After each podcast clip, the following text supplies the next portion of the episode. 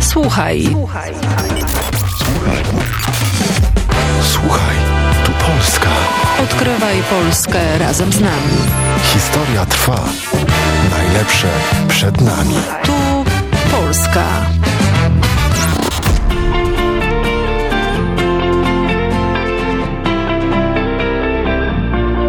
Chyba zaryzykuję, bo coraz lepiej umiem w to Nie mam zegarka,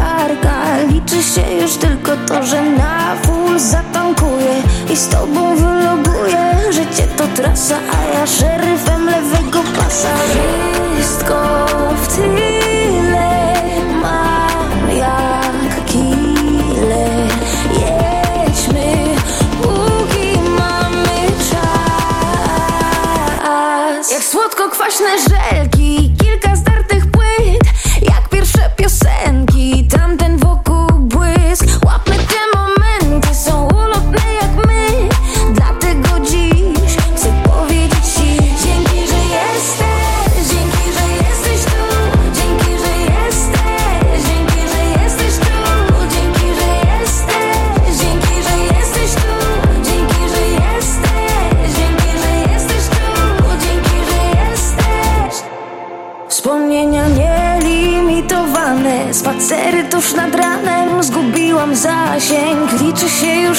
to, że każdą chwilę czuję Doceniam i dziękuję. Życie to trasa Bas w głośnikach, a na deser macza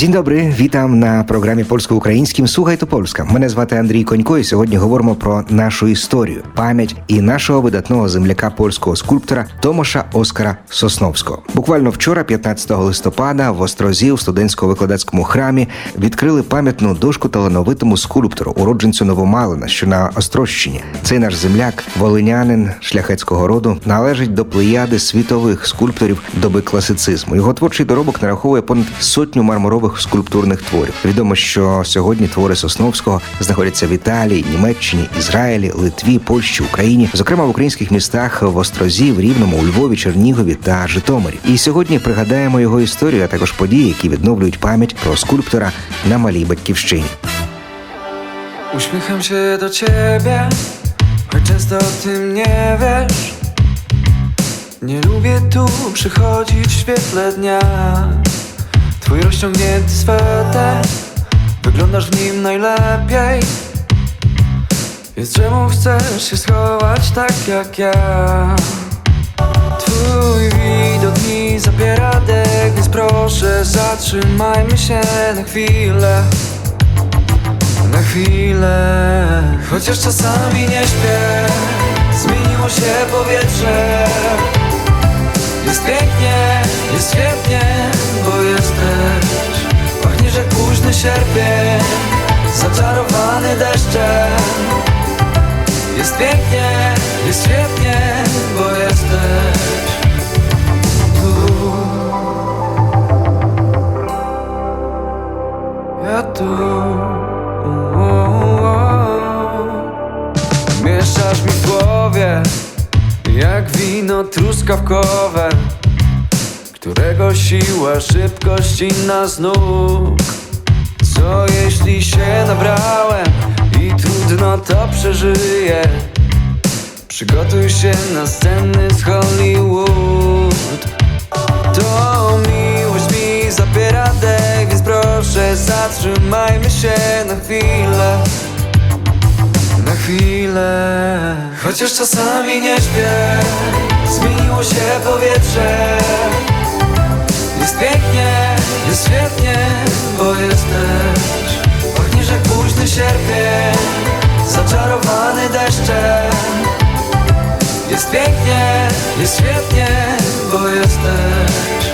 Mam wielurowe serce Motylki i rumieńce. Jest pięknie, jest świetnie Bo jesteś. Pachniesz jak późny sierpień Zaczarowany deszczem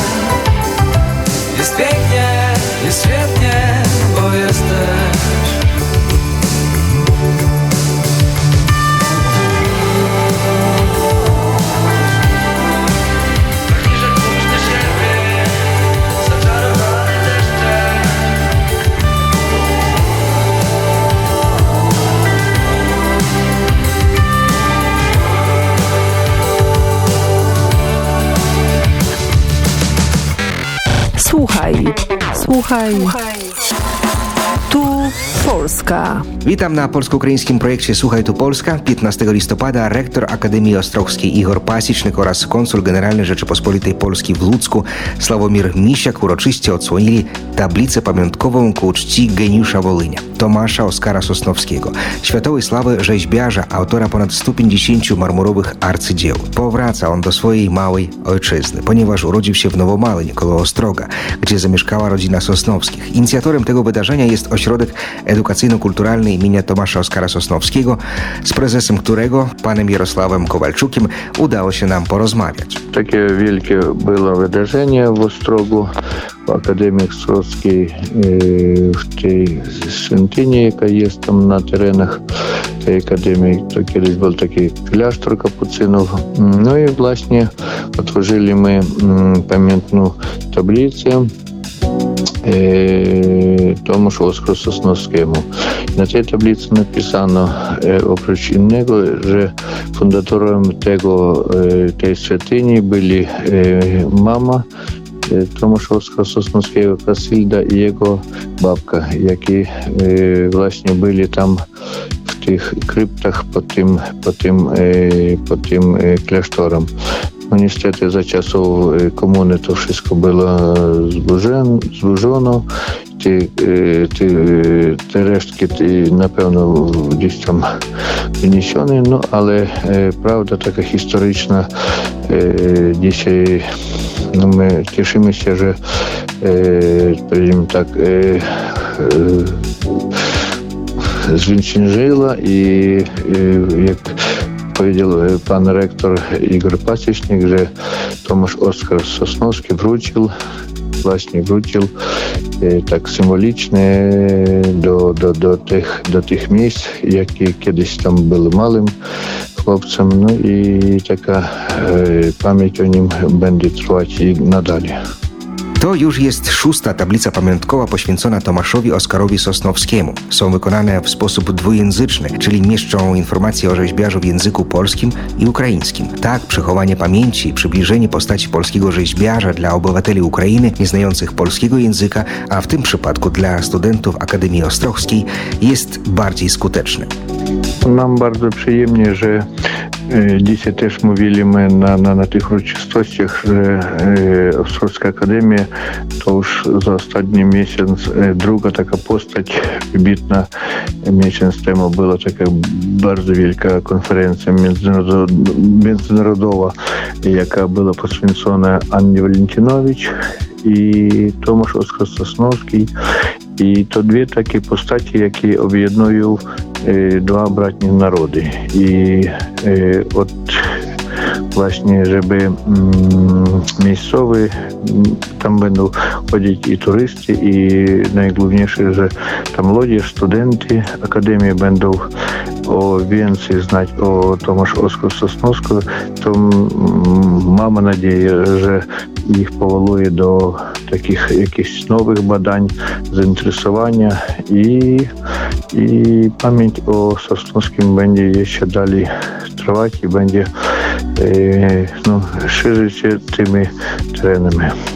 Opowiada prezes Centrum Edukacyjno-Kulturalnego imienia Tomasza Oskara Sosnowskiego, pan Jarosław Kowalczuk. Przywrócenie pamięci o wybitnym rodaku, do którego zwracali się nawet papieży i prace którego stoją na wielu cmentarzach Europy, to wyzwanie i przypomina drogę. Pierwsza tablica pamiątkowa była otwarta na ścianie szkoły w Nowomalynie, rodowitym gnieździe rodziny Sosnowskich. Z czasem takich wspomnień stało więcej. Mianowicie w kościele farnym w Ostrogu, którego parafianinem był Tomasz Oskar Sosnowski, jest tablica o rzeźbiarzu w kaplicy w Nowomalynie, gdzie był ochrzczony, a także w Goszczy na murach Pałacu Lenkiewiczów-Walewskich. Teraz Tomasz Oskar Sosnowski będzie patronował studentom Akademii Ostrowskiej, którzy wpadają na modlitwę do świątyni uniwersyteckiej.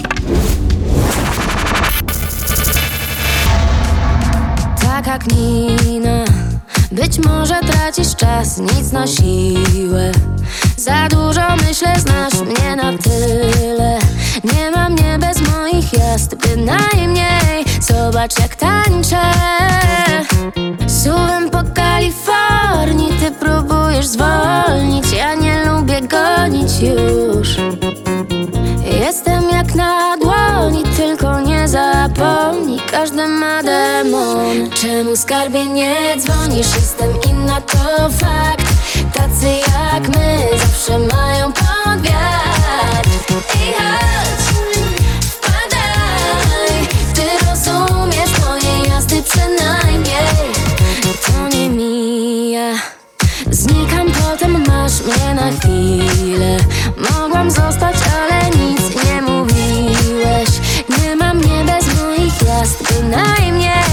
Zobacz jak tańczę. Suwem po Kalifornii Ty próbujesz zwolnić. Ja nie lubię gonić już. Jestem jak na dłoni, tylko nie zapomnij. Każdy ma demon. Czemu skarbie nie dzwonisz? Jestem inna, to fakt. Tacy jak my zawsze mają pod wiatr I chodź,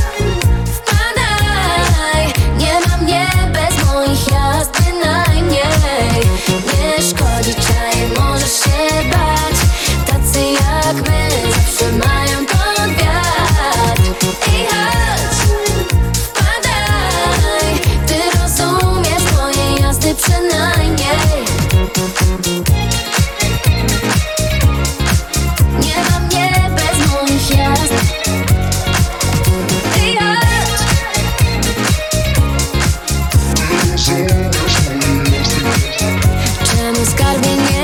dzwonisz? Jestem inna, to fakt.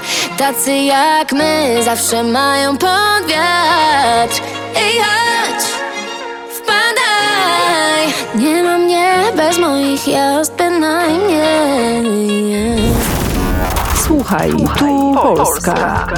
Томаш Оскар Сосновський патронує нашій сьогоднішній програмі. Цей польський скульптор 19 століття, представник академізму, автор понад півтори сотні скульптур із білого мармуру. Він народився у Новомалині у 1812 році. В подальшому його життя і доробок були пов'язані із багатьма країнами Європи. Залишивши рідні стіни давньої Волині, Томаш працював у багатьох містах Європи, а завершив своє земне паломництво у Римі у 1886 році. Він вмів видобувати із холодного каміння душу. Його роботи із мармуру ніби оживають тими емоціями, які підкреслював різець у мілій руці майстра. Талант формувала і сама історія. Томаш Оскар Сосновський ріс без матері. Його мама померла при народженні дитини. Здається, що позбавленій материнського тепла дитині доволі важко подолати жаль і закиди до несправедливості долі. Але наперекір всьому Томаш Оскар зумів вижити, жити, розвиватися і, здається, віднайти той духовний зв'язок із матір'ю, яка він вірив була на небі. Більшість робіт Сосновського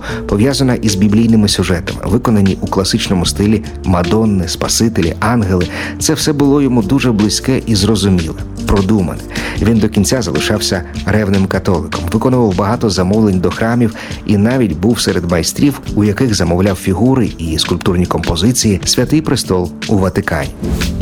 Сосновський старший хотів дати синові найкраще, хоча їх родина належала до гербу Наленч і вважалася шляхтою. Справжніх магнатських засобів, тобто якихось великих статків, Сосновські не мали. А з того, що мали, багато інвестували в освіту дітей. Тож спочатку Томаша відправили до школи в Теофіполі біля Староконстантинова, яку вели монахи Піяри, потім до Кременця. А Кременецький ліцей, нещодавно тоді заснований графом Чацьким, на той час був колискою польської інтелігенції, афінами Волині називали заклад у Речі Посполитій.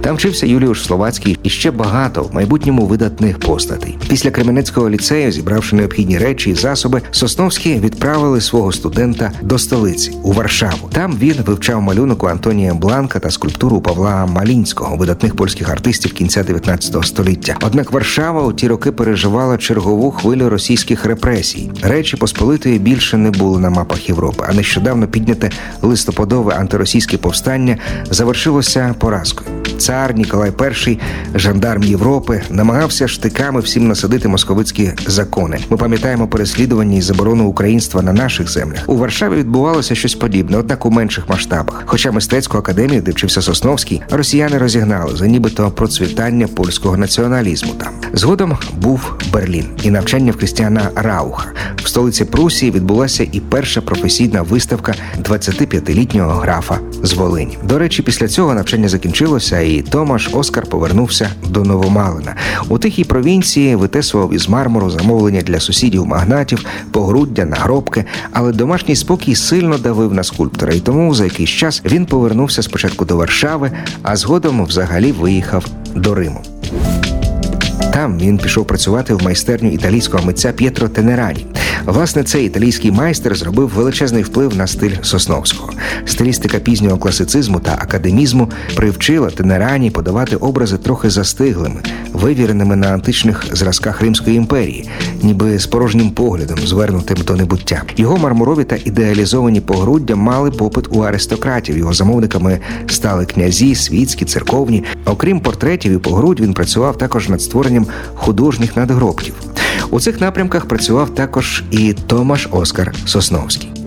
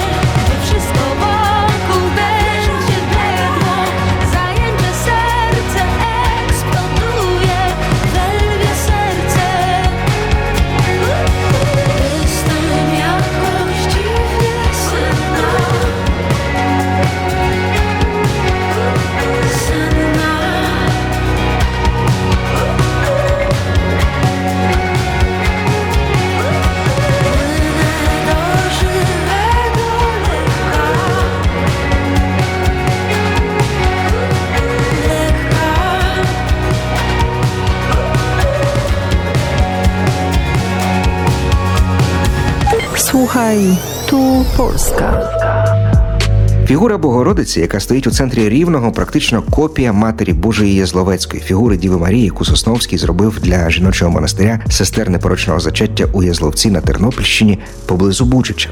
Прикметно, що під час перебування вдома Томаш Оскар багато часу присвятив оздобі Новомалинського замку, оздоблював його стелі стіни ліпниною та новими елементами, наприклад, витонченою короною, висіченою із мармуру. Закоханий у готику багатовікових стін замку Новомалина, він прикрасив його інтер'єри витворами мистецтва, як власними, так і придбаними з великою чутливістю, смаком і досвідом, картинами, скульптурами і меблями значної художньої цінності. Так що незабаром старе місце родини Малинських більше нагадувало музей ніж звичайний житловий будинок.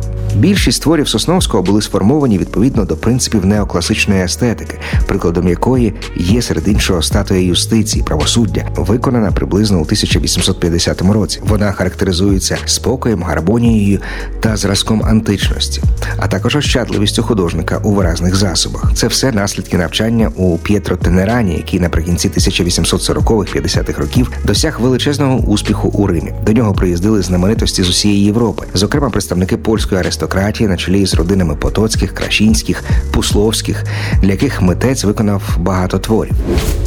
Можливо, тісна співпраця Сосновського із Тенерані спричинила те, що до римської майстерні Томаша Оскара на Віа Делла Консульта 14 починають надходити перші замовлення, і звідти виходять перші повністю самостійні скульптури релігійного та символічного характеру, технічно досконалі, виготовлені лише з найкращих і, до речі, найдорожчих блоків каррарського мармуру.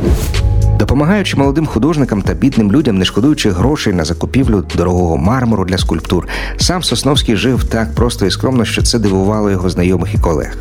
Якось французький дослідник Луї Вейо писав про нього: скульптор поляк володіє в Україні палацом, повним королівських коштовностей та більш як чотирма тисячами підданих. Все це він залишив, аби створювати скульптури в Римі. А праця над створенням цих скульптур спонукає його забути про турботу про себе та славу. Все це він залишив, аби створювати скульптури у Римі. Тут він влаштував для себе майстерню, схожу на сарай, не випускаючи долота з рук і не перестаючи працювати, підкріпляється шматком хліба або іноді якоюсь їжею, принесеною з загальної кухні, ховається, якщо хтось прийде оглядати його роботи. Бачив його одного разу. Добре, польське обличчя, лагідне і чисте, але очі мають в собі життя незвичне. Ці слова, як ніякі інші, розкривають нам красу великої безкорисної душі скульптора, який понад усе в житті ставив мистецтво і жив для цього мистецтва, усвідомлюючи його високе призначення будити в душі кожної людини прагнення ідеалу. Нічого для себе і все для інших. Помер Томаш Оскар Сосновський, виснажений важкою хворобою у 1886 році у Римі, де його і поховали.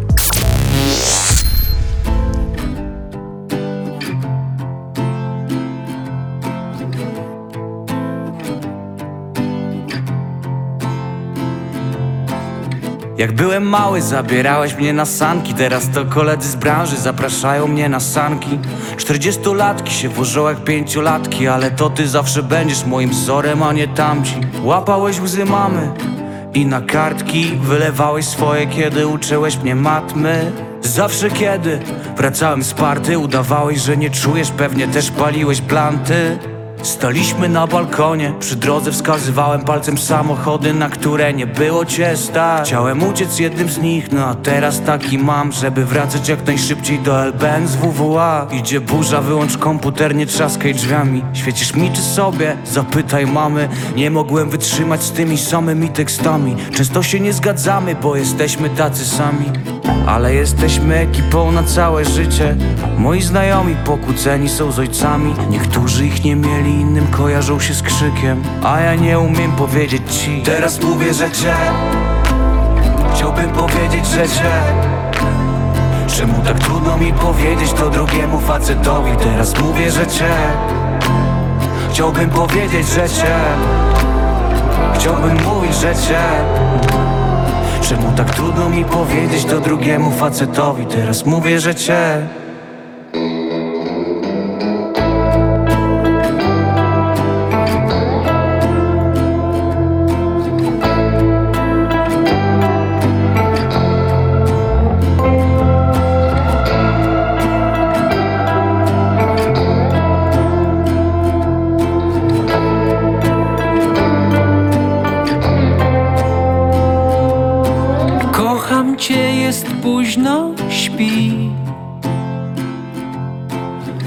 Leżę obok, głaszczę cię. Możesz wszystko mówić mi. Płakać, śmiać się, wstydzić też. A kiedy się poczujesz sam lub niewłaściwy wrzucisz bieg, pieść nie bój się, bo ja jestem tu zawsze, kiedy chcesz. Teraz mówię, że cię Chciałbym powiedzieć, że cię. Czemu tak trudno mi powiedzieć to drugiemu facetowi? Teraz mówię, że cię Chciałbym powiedzieć, że cię. Chciałbym mówić, że cię Czemu tak trudno mi powiedzieć to drugiemu facetowi? Teraz mówię, że cię. Teraz mówię, że cię. Chciałbym powiedzieć, że cię. Czemu tak trudno mi powiedzieć to drugiemu facetowi? Teraz mówię, że cię. Chciałbym powiedzieć, że cię. Chciałbym mówić, że cię. Czemu tak trudno mi powiedzieć to drugiemu facetowi? Teraz mówię, że cię Projekt finansowany ze środków Kancelarii Prezesa Rady Ministrów w ramach konkursu Polonia i Polacy za granicą 2023. Projekt Polska Platforma Medialna Ukraina 2023-2025 реалізований przez Фундацію Вольність і Демократія. Публікація виражає лише погляди авторів і не може бути тотожнювана із офіційною позицією Канцелярії прем'єр-міністра Республіки Польща та Фундації Вольності і Демократія.